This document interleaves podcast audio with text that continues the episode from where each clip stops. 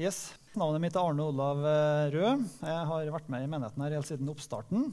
Eh, så jeg er veldig glad for muligheten til å forkynne igjen. Det er noen måneder siden sist. og eh, dere som kjenner meg, vet jo at jeg har en hang til å komme med litt bibelundervisning. Så i dag er det noe som ligger i nærheten av en bibeltime. Men vi, ja, håper jeg det klarer å bli såpass eh, nært at eh, vi får noe ut av det både i våre liv og i forhold til mennesker vi møter. Eh, og dagens overskrift er 'skam'. Og jeg regner med aller fleste får en litt sånn turnoff når de hører det ordet 'å nei'. For det er jo et litt sånn belasta ord. Og det er et ord så vidt meg bekjent vi aldri egentlig har bora ordentlig i, i Guds ord sammen her i menigheten. Men jeg har brukt en del tid i, det, i Guds ord de siste ukene for å se litt på det her. Og øh, har egentlig veldig lyst til å dele ei viktig side ved Guds kjærlighet til oss eh, i lys av akkurat det ordet her. Så jeg håper dere klarer å henge med litt i svingene på det i dag. Og det har å gjøre med at skam egentlig er et, et, et, det er et hovedtema, det er et stikk stikkord i Bibelen som egentlig både fra start til slutt. og Derfor er det veldig greit at vi både har kunnskap om det, men òg at vi kan forstå hvilken resonans det har i våre egne liv. Fordi det er ganske menneskelig å kjenne på skam, og det er en del av det å være menneske. Og da, Derfor er det òg et eh, stort og viktig tema i Bibelen. Så La oss uh, se på det sammen. Og, Skam er jo kanskje det aller, det aller fleste forbinder med det. er jo en TV-serie på NRK for noen år siden. Opp med hånd, dere som har sett Skam. Ja, det var bra. Jeg kan ikke ta opp hånda, men, men uh, det er kanskje det, det, første folk tenker på. Og hva er, hva er skam, egentlig? Det er jo selvfølgelig tittelen på en TV-serie, men skam er jo på en måte et begrep. Og Selve ordet det er egentlig avleda av et gammeltysk ord og det betyr egentlig da å gjemme seg, eller å tildekke seg, eller å eh, skjule seg for andre, rett og slett. Så det er egentlig essensen i, i ordet sånn opprinnelig. Um, og når vi snakker om eh, skam, så er det ofte i sånn par, parkombinasjon med skyld. Vi snakker om at Jesus har satt oss fri fra skyld og skam. Men egentlig så er det to litt forskjellige ting, det med skyld og, skyld og skam. Eh, skyld handler jo mer om ting som måte, du har gjort, som, det, som du kan eh, haste deg til å gjøre opp for. Eh, mens eh, skam er i sin essens da, egentlig noe som stikker dypere. Det handler ikke bare om hva du gjør, men det handler mye om hvem du er og føler det som. Så det stikker mye dypere i sjølbildet og, og er derfor en, en, eh, assosiert med mye vonde, vonde ting i, i enkeltmennesker sitt liv. Eh, samtidig så må jeg jo si da, før vi snakker om, eh, om skam, at uh, skam, skamfølelse er egentlig en veldig sånn Innenfor fagfeltet sett på som en, en, en, en, god ting, rett og slett fordi det forebygger og, og er på mange måter siviliserende for oss, fordi vi får en slags følelse av hva, vi, hva som forventes av oss overfor andre. På den måten at vi unngår å sette oss sjøl i situasjoner hvor eh, hvor vi skjønner at eh, her bør vi ikke havne. F.eks. det å stjele, eller det å være utro, eller det å ja, eh, svikte venner eller familiemedlemmer på en eh, fæl måte. Det er jo eh, det er skamfølelse egentlig en, noe som er en eh, reaksjon i oss som kan hjelpe oss til å unngå sånne situasjoner. Litt mer intro i starten. altså Skam eh, er jo noe som eh, på en måte har kommet litt inn i kulturen de siste årene òg. Og, og det, det, er egentlig litt sånn fremmed i vår kultur å snakke mye om skam. Vi snakker mer om skyld i Vesten. Dere som leser nyhetene, eh, har jo kanskje fått med dere eh, Det er jo stadig saker om, om sånne ting. Nå siste så er det jo familien Ingebrigtsen som er, som er på agendaen. Og der ser vi jo at mye av den offentlige skittentøyvasken handler om er, er det skyld inni bildet. Har han skylda? Har han gjort det? Eh, som er på mange måter en, en, problemstilling vi er vant til å være opptatt av i Vesten. Mens i mer ikke-vestlige kulturer så, så, er skam kontra det med ære en mye viktigere sak. Altså det å rett og slett Hvordan blir vi oppfatta overfor kulturen vi lever i? En mye større sak enn om en egentlig har gjort det eller ikke. Da. Sånn kjapt, kjapt fortalt. Men skam altså handler i sin dypeste essens om, om eh, der at du ønsker å skjule det, ønsker å trekke det unna, ønsker å holde avstand fra andre mennesker, rett og slett fordi at det du, det du bærer på, det du kjenner på, er, er, så smertefullt og vondt at du helst vil eh, skjule det for andre. Og Det er en uh, tematikk i Bibelen, og det uh, ønsker jeg å ta dere med inn i Guds ord på i dag, rett og slett for å si hvordan Gud dealer med det. For det er jo det som er det budskapet som både vi trenger å høre for vår egen del, og ikke minst uh, mennesker som vi møter på vår vei i livet, som, som strever med ting. Så Derfor skal vi slå opp i Bibelen. Vi skal ha tekstlesing av et godt avsnitt. Nå hadde jo Håvard en ganske lang eh, passiar allerede her, men vi tåler et avsnitt til Guds ord. Gjør vi det, folkens? Bra. Da slår vi opp eh, Dere som har med Bibel, i hvert fall, kan slå opp i første Mosebok kapittel 2 og vers eh, 15. Så kan dere følge med på når jeg leser. Og vi går midt inn i skapelsesfortellinga og historien om Adam og Eva i Edens hage. Fra vers 15. Så tok Herren Gud mennesket og satte det i Edens hage til å dyrke og passe den. Og Herren Gud ga mennesket dette budet. Du må gjerne spise av alle trærne i hagen, men av treet til kunnskap om godt og ondt må du ikke spise, for den dagen du spiser av det, skal du dø. Da sa Herren Gud, det er ikke godt for mennesket å være alene, jeg vil lage en hjelper av samme slag. Herren Gud formet alle dyr på marken, alle fugler under himmelen av jord. Han førte dem til mennesket for å se hva det ville kalle dem. Det som mennesket kalte hver levende skapning, det fikk den til navn. Mennesket ga navn til alt feet og til himmelens fugler og til alle virmarkens dyr, men til seg selv fant mennesket ingen hjelper av samme slag. Da lot Herren Gud en dyp søvn komme over mannen, og mens han sov, tok han et ribbein og fylte det igjen med kjøtt. Av ribbeinet Herren Gud hadde tatt fra mannen, bygde han en kvinne. og Han førte henne til mannen. Da sa mannen, nå er det bein av mine bein og kjøtt av mitt kjøtt. Hun skal kalles kvinne, for av mannen er hun tatt. Derfor skal mannen forlate sin far og sin mor og holde fast ved sin kvinne, og de, skal, de to skal være en kropp. Begge var nakne, både mannen og kvinnen, og de skammet seg ikke for hverandre. Slangen var listigere enn alle ville dyr som Herren Gud hadde laget. Den sa til kvinnen, Har Gud virkelig sagt at dere ikke skal spise av noe tre i hagen? Kvinnen sa til slangen, Vi kan spise av frukten på trærne i hagen. Men om frukten på treet som står midt i hagen, har Gud sagt, dere må ikke spise av den og ikke røre ved den, for da skal dere dø. Da sa slangen til kvinnen, dere skal slett ikke dø. Men Gud vet at den dagen dere spiser av den, vil øynene deres bli åpnet, og dere vil bli som Gud og kjenne godt og ondt.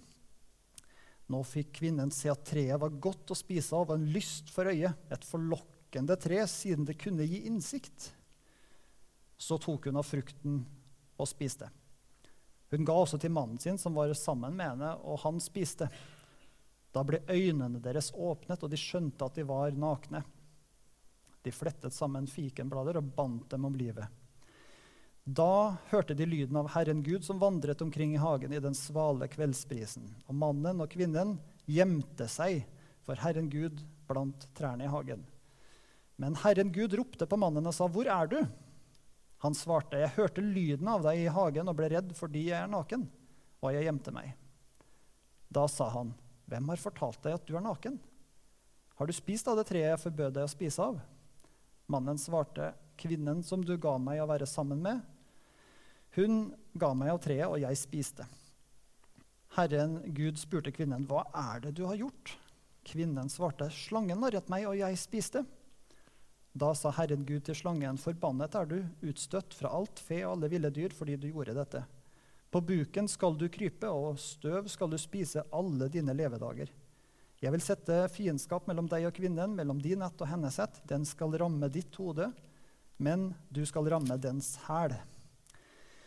Til kvinnen sa han, tungt vil jeg gjøre ditt strev når du er med barn, med smerte skal du føde, og du skal begjære din mann, og han skal herske over deg.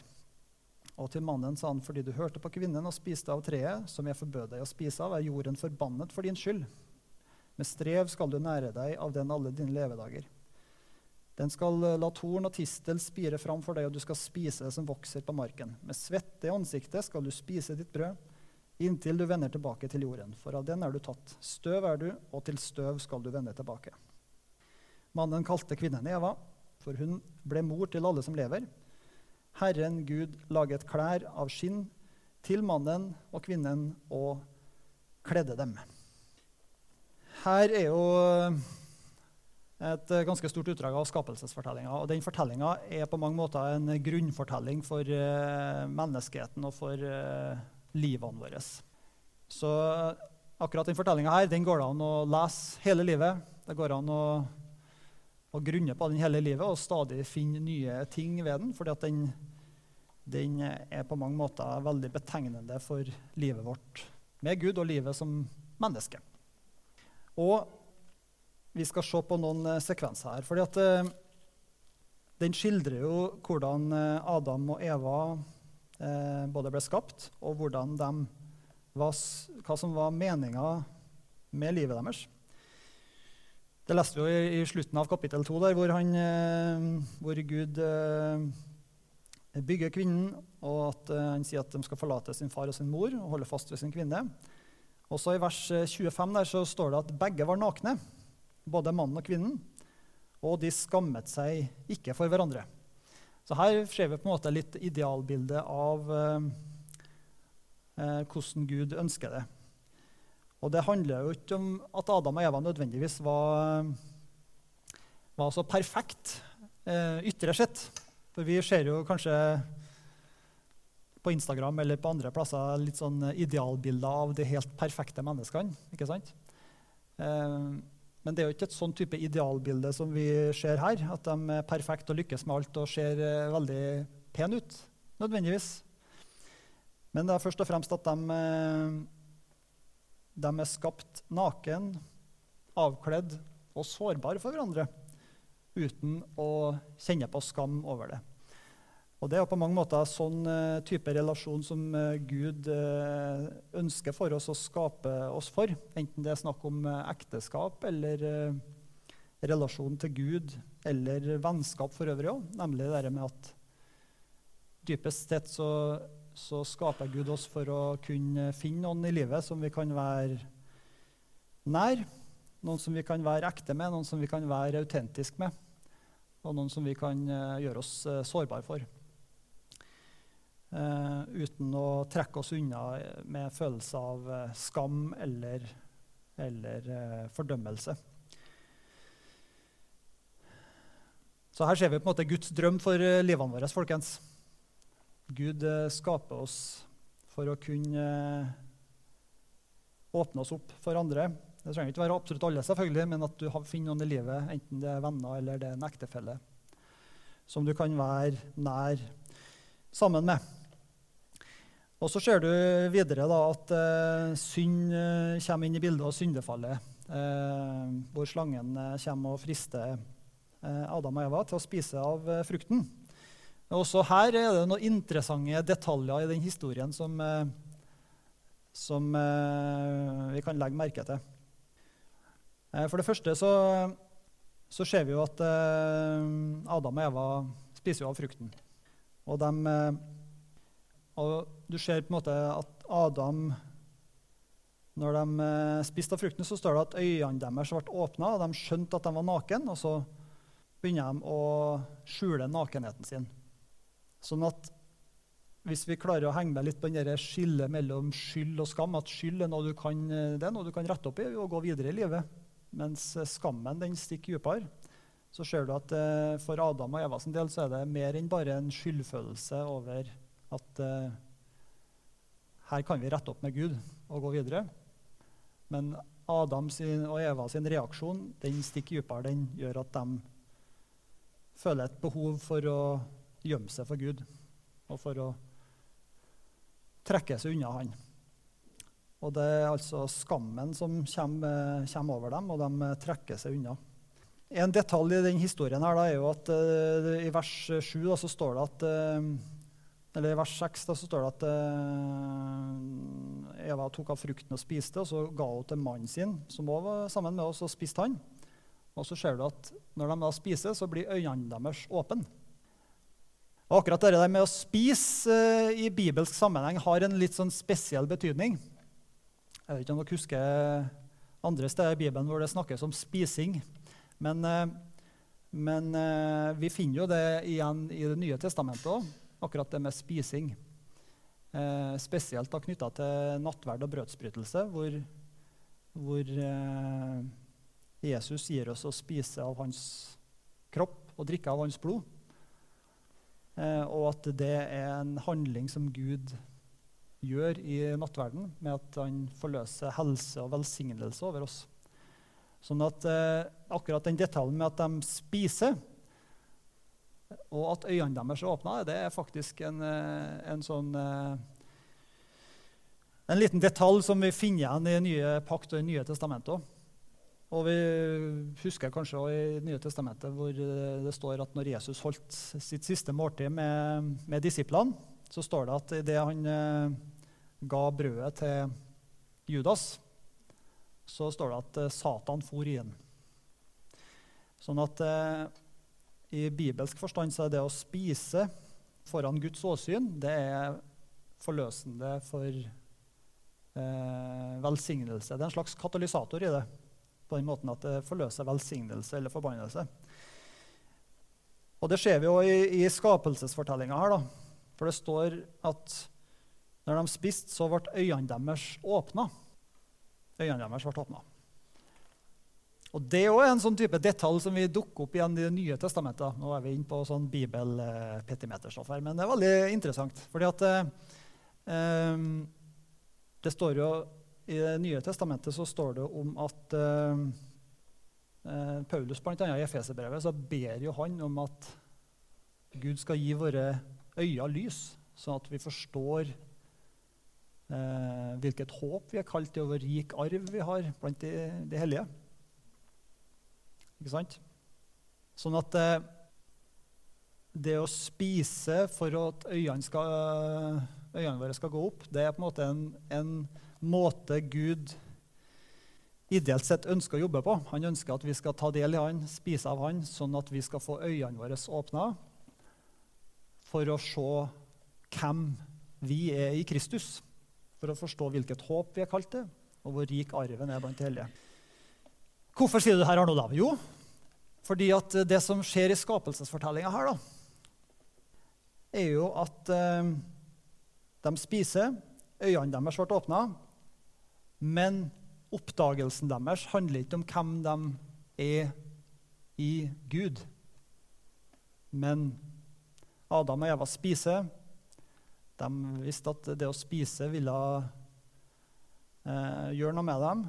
Og når de spiser, så får de opp øynene og ser at Oi, jeg er avkledd? Hvem i all verden er jeg i meg sjøl? Det er det som er den ulykksalige oppdagelsen som Adam og Eva gjør. Når de spiser av frukten, øynene deres blir åpna, så ser de jeg har ingenting i meg sjøl. Så og når du da gjør den oppdagelsen at du er naken, du er avkledd, du er sårbar, du ser at du har ingenting Ingenting å stille opp med overfor Gud, du har ingenting å vise fram overfor Gud, så er den naturlige reaksjonen, den som Adam og Eva har, at her må vi skjule skammen vår. Vi må skjule, vi må skjule oss, vi må trekke oss unna Gud. For her kan ikke vi være. Så kommer jo Gud da inn i hagen. Og eh, det står at han vandra omkring i hagen i den svale kveldsprisen. Og mannen og kvinnen gjemte seg for Herren Gud blant trær, trærne i hagen. Og så står det at eh, Herren ropte på mannen og ropte 'Hvor er du hen?' Og så kommer jo Adam til Gud og så sier han at eh, jeg hørte lyden av det i hagen og ble redd fordi at det er naken. Så jeg gjemte meg. Og måten Gud svarer på, er verdt å legge merke til, kjære venner. Fordi at det er jo ikke sånn at Gud eh, Gud får ikke noe større problem av å se, se oss naken og avkledd og sårbar. Eh, Gud eh, får ikke noe større problemer Gud eh, blir eh, verken skuffet eller overraska. Han ser oss jo uansett. Ikke sant? Men Guds spørsmål er hvem har sagt der til deg? At du er naken? Og det er på mange måter, eh, det er på mange måter litt sånn at eh, eh, Gud sitt eh, farshjerte vises i denne historien på den måten at eh, Gud eh, avviser ikke oss når vi er på vårt eh, mest sårbare. Eh, Gud avviser oss ikke når vi er på vårt mest skamfulle og vårt laveste punkt i livet. Når vi er helt avkledd og trer fram i lyset og viser sånn, sånn står det til Gud. Men han, hans spørsmål er hvem har fortalt deg at du er naken? Og du kan jo sikkert eh, skrive, eh, lage mange avhandlinger på måten Gud svarer på, men eh, det, det som i hvert fall umiddelbart slår med når jeg leser det svaret, det er at, at det, det elementet av sjølfordømmelse og det å lytte til feil stemmer, det er det som Gud først og fremst får fram med denne setningen han svarer Adam først. da. Fordi at hvis du leser detaljene i historien, eh, Slangen hadde jo ikke sagt noe til Adam og Eva at de var naken. Eh, Gud hadde heller ikke egentlig sagt noe om det. Eh, Gud var klar over at de var naken, men, eh, men eh, det som skjedde når de spiste av frukten og øynene deres ble åpne, var jo at de sjøl eh, innså sin nakenhet, og at den var en uh, ting som de skammer seg over. Så det er elementet av hvem, hvem du lytter til. Uh, lytter du til den uh, fordømmende stemmen inni deg som gjør at du internaliserer skammen og trekker det unna Gud? Det er på en måte noe av Guds anliggende ved å svare på denne måten. da. Så når jeg, når jeg, reflekterer over denne historien og hvordan Adam og Eva reagerer, så slår det meg at eh, en ting er på en måte de, eh, de tingene som kan ramme oss i vårt eget liv, der hvor vi skammen eller eh, sjølforakten eller sjølfordømmelsen blir så sterk at vi trekker oss unna. Det er på en måte én ting. Men eh, det at det sitter veldig mange mennesker rundt omkring i Norge som, som holder en avstand til Gud og til troa pga. at det, det her er rett og slett for vanskelig å deale med. Det tror jeg på en måte er noe av det som vi kan eh, ta med oss fra et sånn type skriftsted. At uh, Gud sender oss ut i en verden hvor, uh, hvor, uh, hvor det her er det som er konteksten. Da. Vi skal se litt mer på hvordan Jesus jobber med det. Jeg skal gå litt videre. Jeg har bare lyst til å trekke fram en siste detalj fra denne historien. Da. Fordi at Jeg leste fram til kapittel 3 og vers 21. Eh, det er jo mange ting i den historien, her, men akkurat på slutten der så ser du at eh, eh, mannen kaller jo kvinnen for Eva, for hun ble mor til alle som lever. Og så står det at Herren Gud lagde klær av skinn til mannen og kvinnen og kledde dem. Herren Gud lagde klær av skinn til mannen og kvinnen og kledde dem, står det. Og det er på mange måter et fantastisk frampek på evangeliet, det som vi leser der. Hvorfor mener du det, Arne Olav? Jo, hør her. For det første så uh, Implisitt i historien når det står at Herren Gud lagde klær av skinn, så betyr det at Gud slakta et dyr. Uh, fordi at Du får ikke tak i noe skinn uten at du må drepe et dyr og tømme blodet av det. Det er jo sånn du får til skinnklær. Så Det som ligger bak akkurat den, det verset, her er jo, er jo det første eksempelet på et offer i Bibelen, hvor Gud ofrer. Så på mange måter så ser vi hvordan uh, Gud sitt hjerte for oss som mennesker er. Fordi at han, uh, han, ser, han, ser, oss når vi er naken, når vi er avkledd, når vi er sårbare. Og så er det ikke sånn at han prøver å glatte over og si at det der skal du ikke bry deg om, eller her skal du prøve å tenke på at det ikke er der. eller det er på en måte ikke, Gud opererer ikke på den måten, men han, for han er det dyrebart at vi tar vare på vår eh, menneskelighet og vår kjerne av integritet.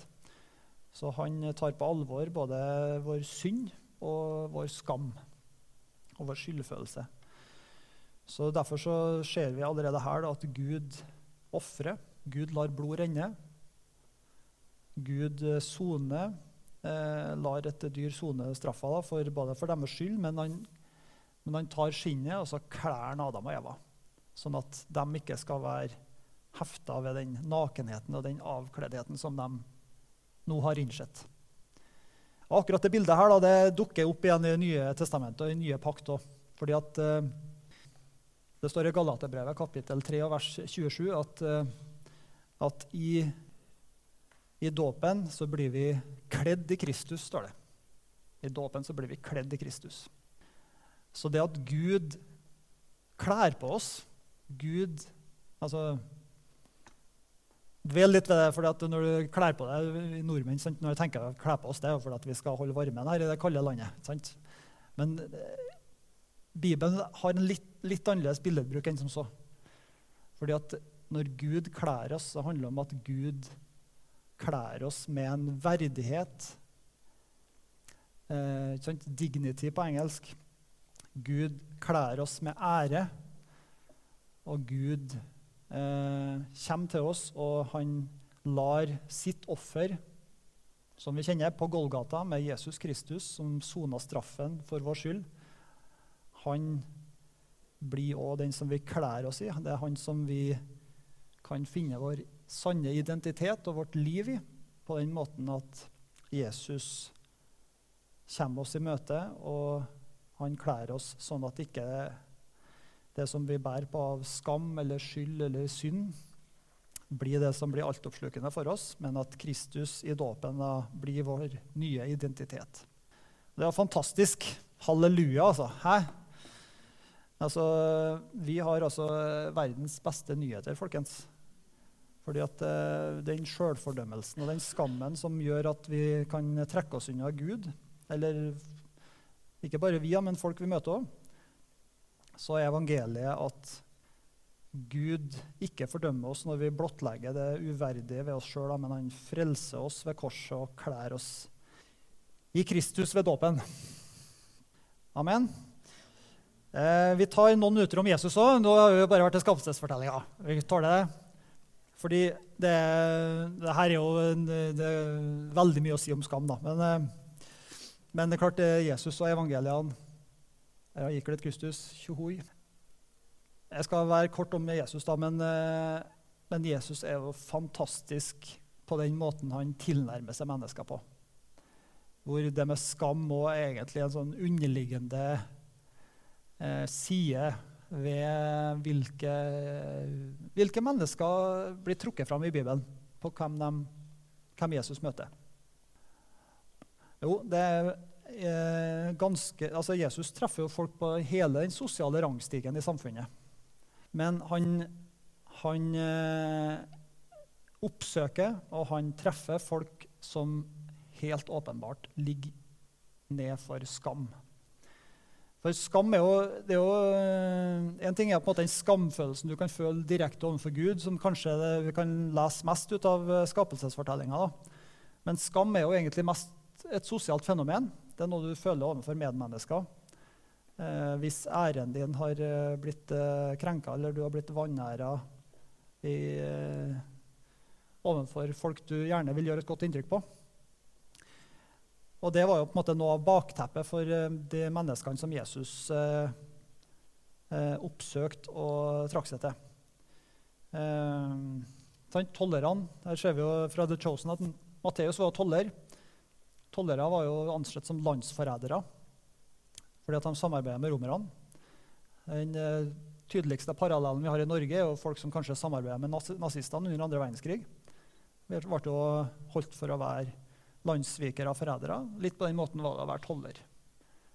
Du samarbeida med fienden. Og det gjorde at de, eh, de eh, trakk seg unna folk og ble utestøtt fra, fra det gode selskap. Eh, det ser vi med andre grupper. Prostituerte, spedalske. De var syke, smittsomme.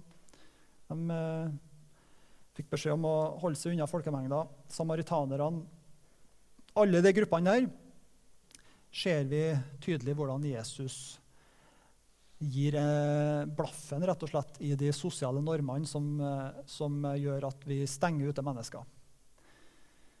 Han aksepterer ikke dem, rett og slett, de sosiale normene. Men han, eh, han konfronterer dem, og han sier at alle de her menneskene som, som kanskje blir ansett for å være lavt på rangstigen, de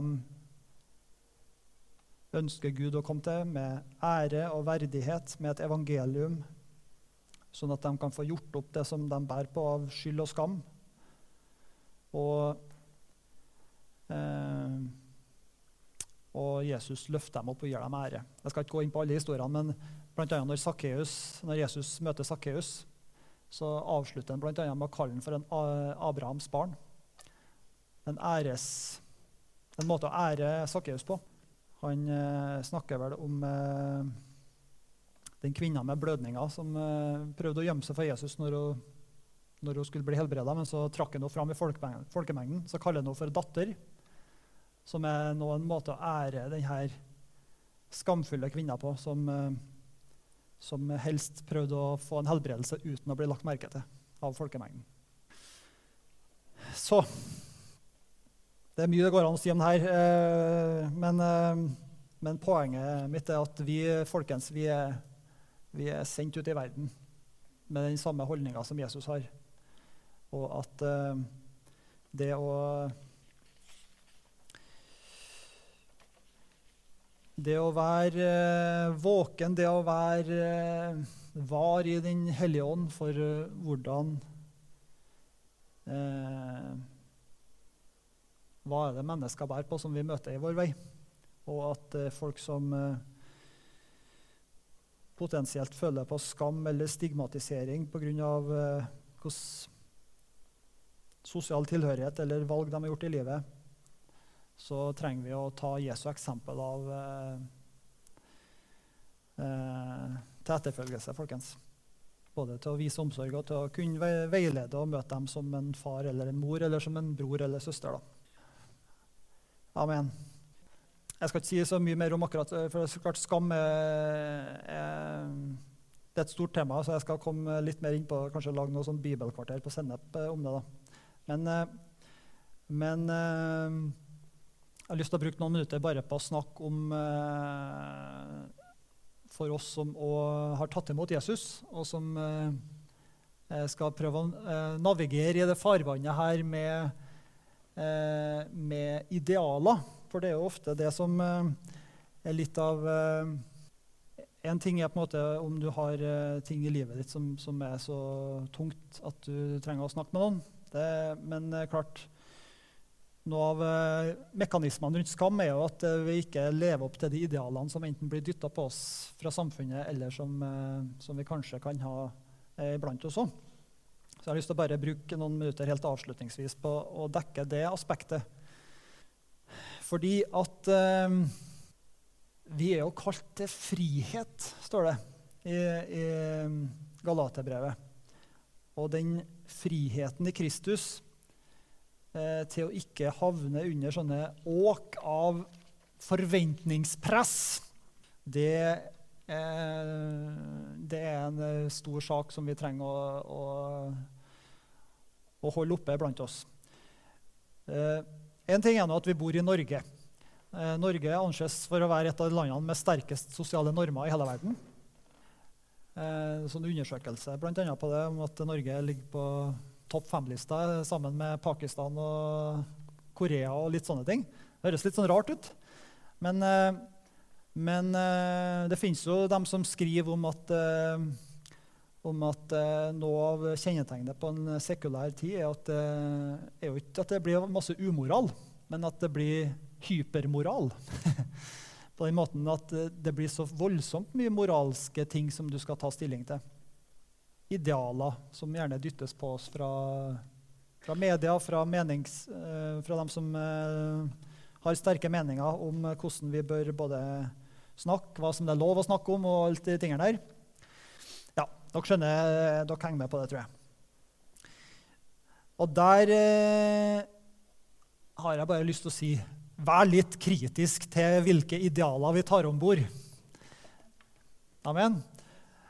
Jeg er litt sånn skrudd sammen da, at eh, jeg blir litt sånn uh, småamper hvis jeg føler forventningspress om noe som, uh, noe som måte samfunnet da, i hermetegn forventer av meg. Uh, men som jeg tenker at Gud har ikke bedt meg om det her, i hvert fall. Og ikke syns jeg det er en særlig god idé heller. Å havne under forventningspress om alle mulige greier. det Ja, enten hvordan en skal hvordan huset skal se ut, hvordan hagen skal være, hva ungene skal være med på, hva de ikke skal være med på, hvor mange fritidsaktiviteter de skal ha. la, la, la, la, la, ikke sant? Ja. Det er liksom den derre eh, følelsen av at uh, du bør helst uh, vise fram og imponere de andre foreldrene litt. ja, det, dere, skjønner, dere, som er foreldre, skjønner hva jeg, dere har sikkert masse eksempler i hodet deres. Men sant, vær litt sånn kritisk og, og ta litt uh, ordentlig Pass på å ikke havne under sånne åk. Det er umulig å leve opp til alle idealene i samfunnet vårt. Og i hvert fall ikke havne der at en skammer seg og føler at en må gjemme seg unna fordi at du ikke lever opp til et ideal som Gud aldri har bedt om. i hvert fall. Amen. Så ja, der må vi bare hjelpe hverandre til å leve fritt, altså. Fri, fri Kristus. Og så kan vi selvfølgelig Det handler ikke om å ikke være hensynsfull og omtenksom overfor andre, selvfølgelig. Men det handler mer om at vi må passe på at ikke vi blir helt overmanna over idealene som blir dytta på oss. Uh, og Det samme kan jo gjelde ting som uh, vi på en måte løfter fram som idealer inn, hos, uh, inn i menigheten òg. At, at eh, hvis det blir viktigere for deg å ikke skuffe dine brødre og søstre, enn å, enn å, enn å ta vare på livet i Gud.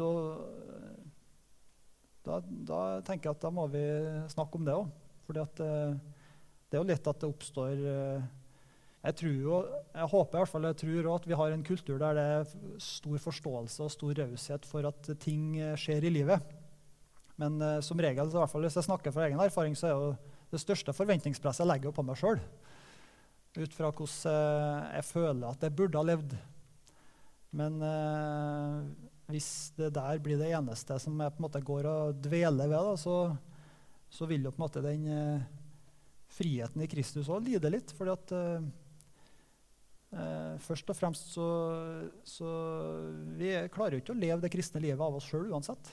Så vi er bare nødt til å koble på Gud og la Han komme til oss. Litt sånn som det ordet som eh, som kom i tunga her, og som ble tyda, sant, om oppdrift. Det traff meg veldig. Jeg ble truffet av det ordet. At det å vente på Gud og vente på oppdriften, det er jo sånn vi er kalt å leve. Ved den styrken som Gud gir, og ikke ut fra at vi klarer å springe i egen kraft og rekke over alt som foregår. Og nå begynner det å bli såpass mye som foregår i menigheten òg, at det, eh, å rekke over alt, det, det er vanskeligere og vanskeligere. Ja da. Nei, men uh, det her handler, det, handler mer kanskje om dårlig samvittighet enn om skam. akkurat der da, Men, uh, men ikke sant?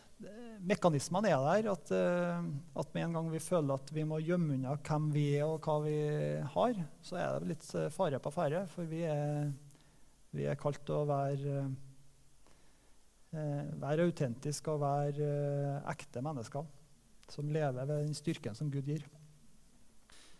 Amen.